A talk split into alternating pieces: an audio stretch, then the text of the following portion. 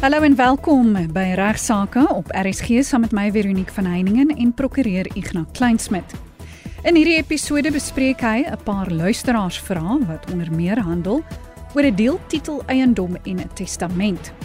En 'n vraag oor die bure se doen en late. Mag jou bure gifstowwe aan jou kant van die betonmuur spuit sonder my toestemming? Ek weet nie watter gif hy spuit en of dit skadelik is vir die omgewing en diere nie, maar dat dat alles wat aan my kant van die heining geplant is vrek. En dan ook mag hulle takke van jou boom wat oor die muring afsny sonder jou toestemming. In die tweede deel van regsaake sluit die boedelspesialis Volker Kreur van van Velden Duffy Prokureurs in Rustenburg by my aan en hy verduidelik vandag watter opsies erfgename het om 'n herverdelingsooreenkoms te sluit. Hy praat ook oor mede-eienaars van 'n besigheid wat behoorlik vir afsterwe moet beplan.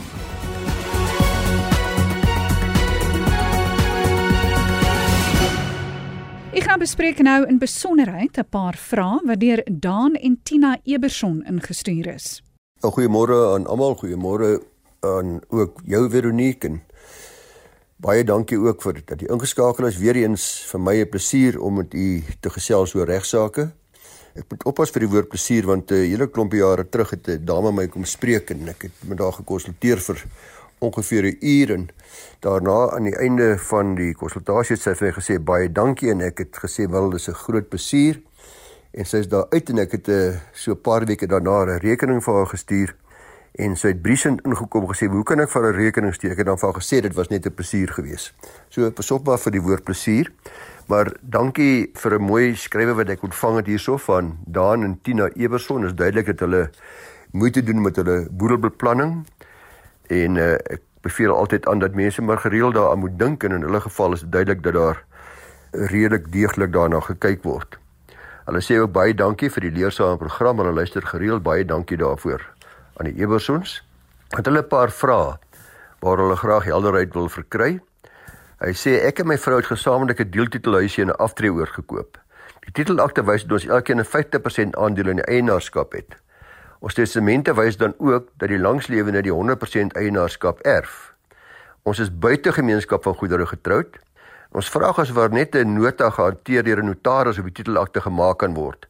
Of daar weer 'n volledige titelakte van vooraf opgestel moet word met al die kostes en dan natuurlik net een eienaar wat dan getoon word. Dis 'n eerste vraag.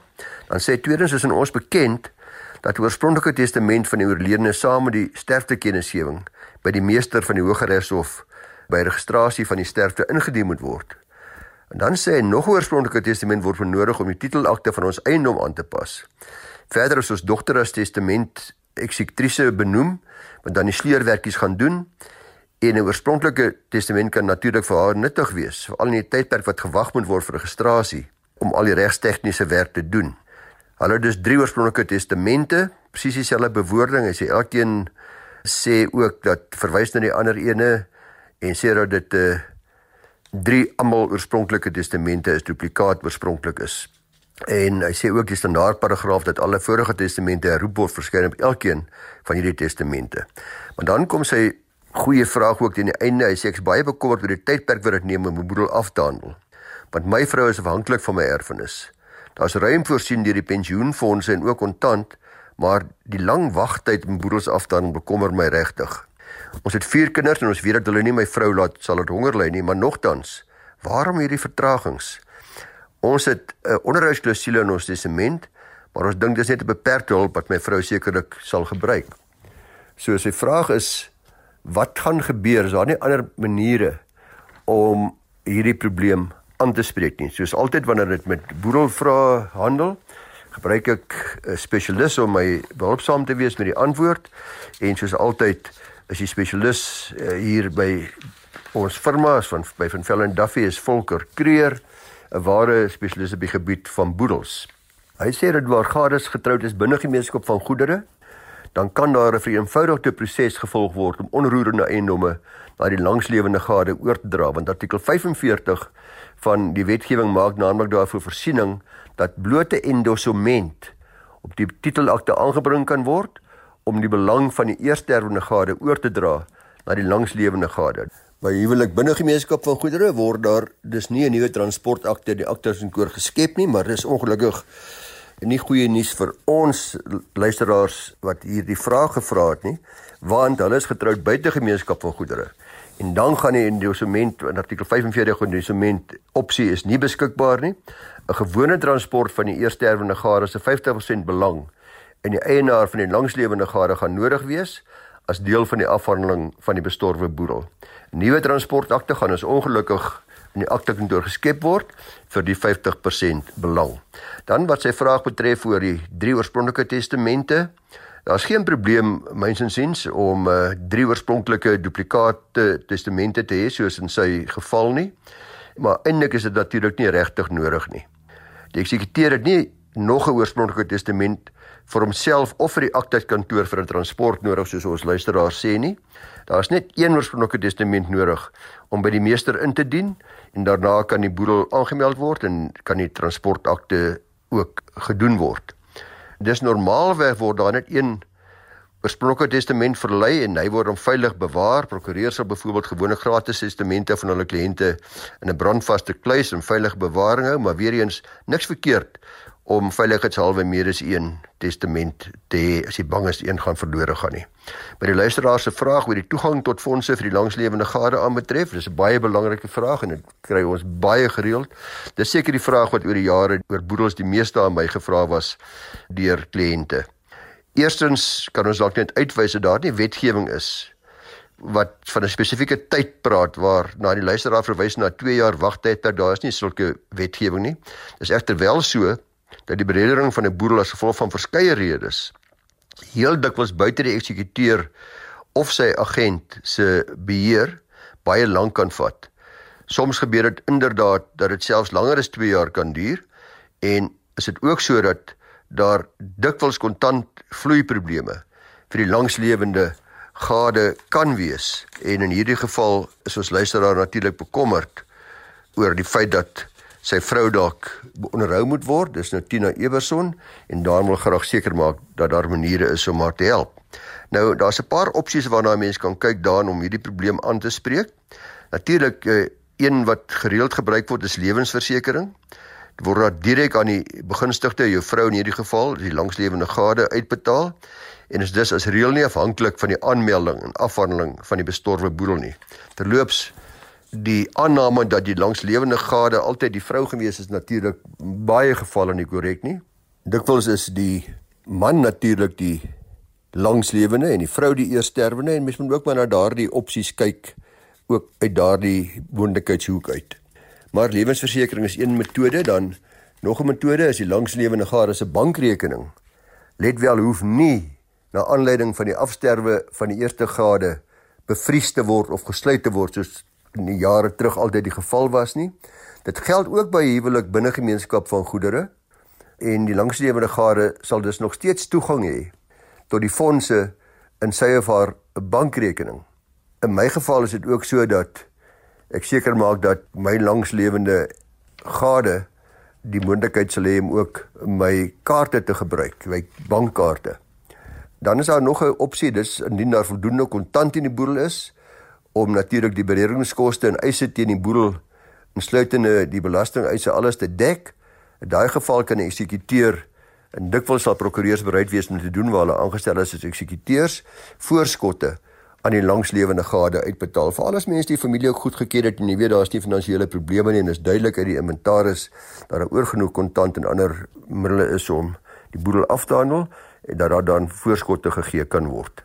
Maar ek weet dit is soms baie moeilik veral waar banke eksekuteurs is om dit te bewerkstellig. Nou, daar's ook 'n verder vierde moontlikheid. Dit is waar mense natuurlik 'n familietrust het. Baie van ons maak daarvoor voorsiening indien daar dan so 'n trust is wat kontant het of 'n inkomste genereer, sal jou langslewende gade normaalweg dan ook 'n begunstigde wees en sal die trustees normaalweg ook seker maak dat sy behoorlik versorg word. Ek hoop uh, dat dit gee vir u duidelikheid ook vir ons luisteraars maar ook spesifiek vir Dan en Tina Everson. Dankie vir die navraag. Goed. Igna antwoord nog 'n brief en die keer van Fred Smit van Vanderbijl Park. Kom ons hoor wat sê Igna. Hy sê mag jou bure gifstowwe aan jou kant van die betonmuur spuit sonder my toestemming. Ek weet nie watter gif hy spuit nie of dit skadelik is vir die omgewing en diere nie, maar dit dat alles wat aan my kant van die heining geplant is vrek. En dan ook mag hulle takke van jou boom wat oor die muring afsny sonder jou toestemming. Fred, daar's 'n nee en 'n ja. Eerstens nee want hulle mag nie gifstowwe aan jou kant van die betonmuur spuit sonder jou toestemming nie. Alles vertikaal bo jou grond en ook onder toe behoort aan jou. En ander kan nie inmeng nie. Of dit skadelike gifstof is of onskadelike gifstof maak nie saak nie. Dit kan nie daar gespuit word sonder jou toestemming nie. Die antwoord wat met takke wat oorhang oor die heining aan hulle kant is die antwoord ja. Want net soos ek nou-nou gesê het dieselfde geld ook op hulle eiendom alles bo hulle eiendom vertikaal na boontoe behoort aan hulle en kan hulle mee doen wat hulle wil en dit sluit in die oorhangende takke so hulle kan dit afsaag of afsnoei soos hulle dit sou wou doen. Daarvoor is jou toestemming ongelukkig nie nodig nie.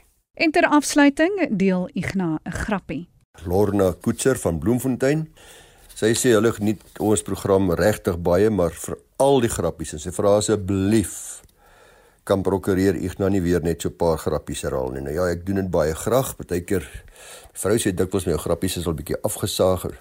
Een van my gunsteling grappies en ek kan nie onthou of ek maar vertel dit nie. Jammer as ek wel het.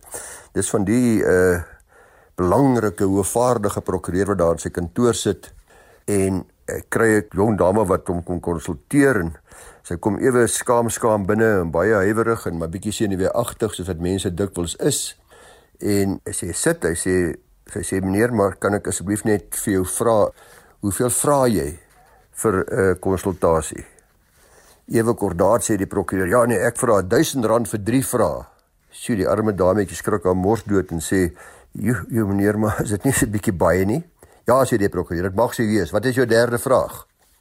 Dan laastens luisteraars my kollega vertel vir my dat eendag kom daar twee vroue by hom in die kantoor ingestap albei van bo tot onder in swart geklee en hulle lyk baie droefgeestes baie hartseer. Die oudste een mompel toe iets van haar dogter se man. Hy het toe onmiddellik aangeneem die dogter se man is oorlede en hy sê ag baie my innige simpatie. Nee, ek die dogter af. Nee, die donder is nie dood nie. Hy probeer my skei op grond van oorspel. Al vanaf my kant uh, luisteraars, dankie dat jy ingeskakel was en luister gerus saam met na Veronique en haar spesialis gas en dan praat ek weer met u volgende week maandag om 11:30. Groete. Dankie Igna en in die tweede deel van regsaake sluit boedelspesialis Volker Kreur van van Velden Duffy Prokureurs in Rustenburg by my aan en hy verduidelik vandag watter opsies erfgename het om 'n herverdelingsooreenkoms te sluit. Hy praat ook oor mede-eienaars van 'n besigheid wat behoorlik vir afsterwe moet beplan. Ons het tydens 'n vorige program oor die Davidson saak gepraat waar daar dispuut was tussen die medelede van 'n BK wat op 'n hofsaak uitgeloop het. Nou na aanleiding daarvan het ek 'n navraag gekry van 'n luisteraar wat sê hy wil graag sy vakansiehuis in Hermanus bemaak aan sy kinders. Maar omdat hulle sulke goeie tye daar saam as 'n familie gehad het en omdat hy wil seker maak dat die kinders voortaan ook daar saam gaan kuier en gaan vakansie hou, wil hy in sy testament bepaal dat die kinders nie die huis in Hermanus mag verkoop nie. Dat hulle dit saam moet erf en dat dit oorgedra moet word aan hulle as mede-eienaars sodat hulle dan inderdaad ook saam as 'n familie die voordeel van die huis kan geniet. Nou, is dit 'n goeie idee? My advies aan die luisteraar is baie besliste nee. As jy in die testament bepaal dat die huis nie verkoop mag word nie, dan het jy basies nie 'n keuse nie. Terwyl as jy nou wil hê dat hulle almal die voordeel daarvan geniet, kan jy nog steeds dit aan hulle bemaak, maar dan het hulle ten minste die opsie om anders te besluit. Hulle het dan ook die opsie om byvoorbeeld 'n herverdelingsooreenkoms te sluit tussen hulle om die verdeling van die bates in die boedel insluitende so 'n vakansiehuis anders te reël. Kan erfgename wat saam 'n bate erf, dus so 'n ooreenkoms sluit? Antwoord is ja. Jy kan 'n herverdelingsooreenkoms tussen die erfgename aangaan waar volgens hulle dan ooreenkom hoe die bates in die boedel anders verdeel word as wat die testament bepaal. Dis iets wat ons eintlik baie gereeld doen. Dit maak dit ook makliker vir die erflater om in die testamente maar liewers gelyke dele te bemaak aan die kinders byvoorbeeld of sekere persentasies te bemaak aan die kinders en byvoorbeeld die langslewende gade en dit dan oor te laat aan die erfgename om ooreen te kom hoe hulle die bates gaan herverdeel. Want as uitgangspunt wil jy myns insiens nie mede-eienaar wees van 'n bate uiteraard veral van roerende bates soos voertuie of meubels of dergelike goed wat 'n mens dalk erf maar ook van onroerende bates soos byvoorbeeld 'n vakansiehuis en daardie opsie maak dit dan moontlik vir die erfgename om met behulp van 'n uh, eksekuteur te onderhandel oor 'n uh, alternatiewe verdeling. En dis waar 'n onafhanklike eksekuteur ook nogal kan waarde byvoeg in my ondervinding by so 'n proses om te sorg dat die onderhandelinge oor herverdeling vreedsaam verloop. So wat mense in praktyk sal doen is om eers waardasies te bekom van al die relevante bates en dan reël mense maar 'n vergadering tussen die erfgename, hoor wat elkeen wil hê en kyk of mense hulle dan kan lei om vreedsaam ooreen te kom wie vat watter bates oor en dan kan 'n mens die kontant gebruik om te sorg dat die kinders nog steeds gelyk erf as dit inderdaad is wat die testament bepaal het of van die erfgename kan natuurlik ook fondse inbetaal om basies die ander erfgename wat dan meer van die bates kry uit te koop. Die luisteraar sê ook dat hy 'n maatskappy wil laat stig en dan die huis oordra aan die maatskappy sodat die erfgename dan die aandele in daai maatskappy kan erf en so kan sorg dat daar 'n gesamentlike bate is wat hulle almal ontvang. Nou dit is nie nodig om in die geval van so 'n vakansiehuis met 'n maatskappy te werk nie. Dit kompliseer eintlik sake onnodiglik. Daar's addisionele kostes om so 'n maatskappy op te rig. Daar's addisionele kostes om jaarlikse opgawes in te dien ten opsigte van die maatskappy om te sorg dat hy nie by die maatskappye kantoor gederegistreer word nie. Daar's addisionele belastingopgawes te sprake, addisionele potensiële boekhoukostes, auditeerkostes te sprake. So ek sou dit eerder eenvoudig hou in die geval van 'n vakansiehuis en die bate dan laat oordra aan die erfgename in hulle persoonlike naam en nie met 'n maatskappy werk nie. 'n Kantoorgebou is iets anders. As mense mede-eienaar is van so 'n bate dan sou ek wel voorstel dat 'n mens met 'n maatskappy werk vir verskeie redes. Een is byvoorbeeld die feit dat die oordrag van die aandele dan eenvoudiger en goedkoper is as wanneer jy die eienoomsreg by die aktekantoor moet oordra van 'n mede-eienaar aan iemand wat dit koop. In teenstelling met 'n residensiële eiendom is daar ook nie huurregte betaalbaar nie wanneer die aandele in die maatskappy oorgedra word wat so 'n kommersiële eiendom besit. By 'n residensiële eiendom as daar 'n maatskappy is wat die residensiële eiendom besit, werk dit anders. Daar is daar inderdaad huurregte te sprake. So Weerens kantoorgebou sou ek tog aanbeveel dat 'n mens na 'n maatskappy kyk as daar mede-eienaarskap is. Die ander geval waar 'n mens ook na 'n maatskappy gaan moet kyk is wanneer daar sprake is van mede-eienaarskap in landbougrond. As gevolg van die wet op onderverdeling van landbougrond kan jy nie sonder die minister se toestemming mede-eienaar wees nie van sulke landbougrond nie. So om daardie wet aan te spreek, moet 'n mens dan 'n maatskappy stig wat dan die enigste eienaar is van die landbougrond en die mede-eienaars is dan die houers van die aandele in daardie maatskappy. So via die maatskappy kry mens eintlik dieselfde reg as wanneer hulle spesifiek die landbougrond self in hulle persoonlike naam sou besit. So enige goed opgestelde testament gaan dan ook voorsiening maak vir die oprig van so 'n maatskappy wanneer daar sprake is van landbougrond wat dan meer as een begunstigde bemaak word. Die laaste mede-eienaars kwessie wat ek wil aanraak is die van 'n besigheid.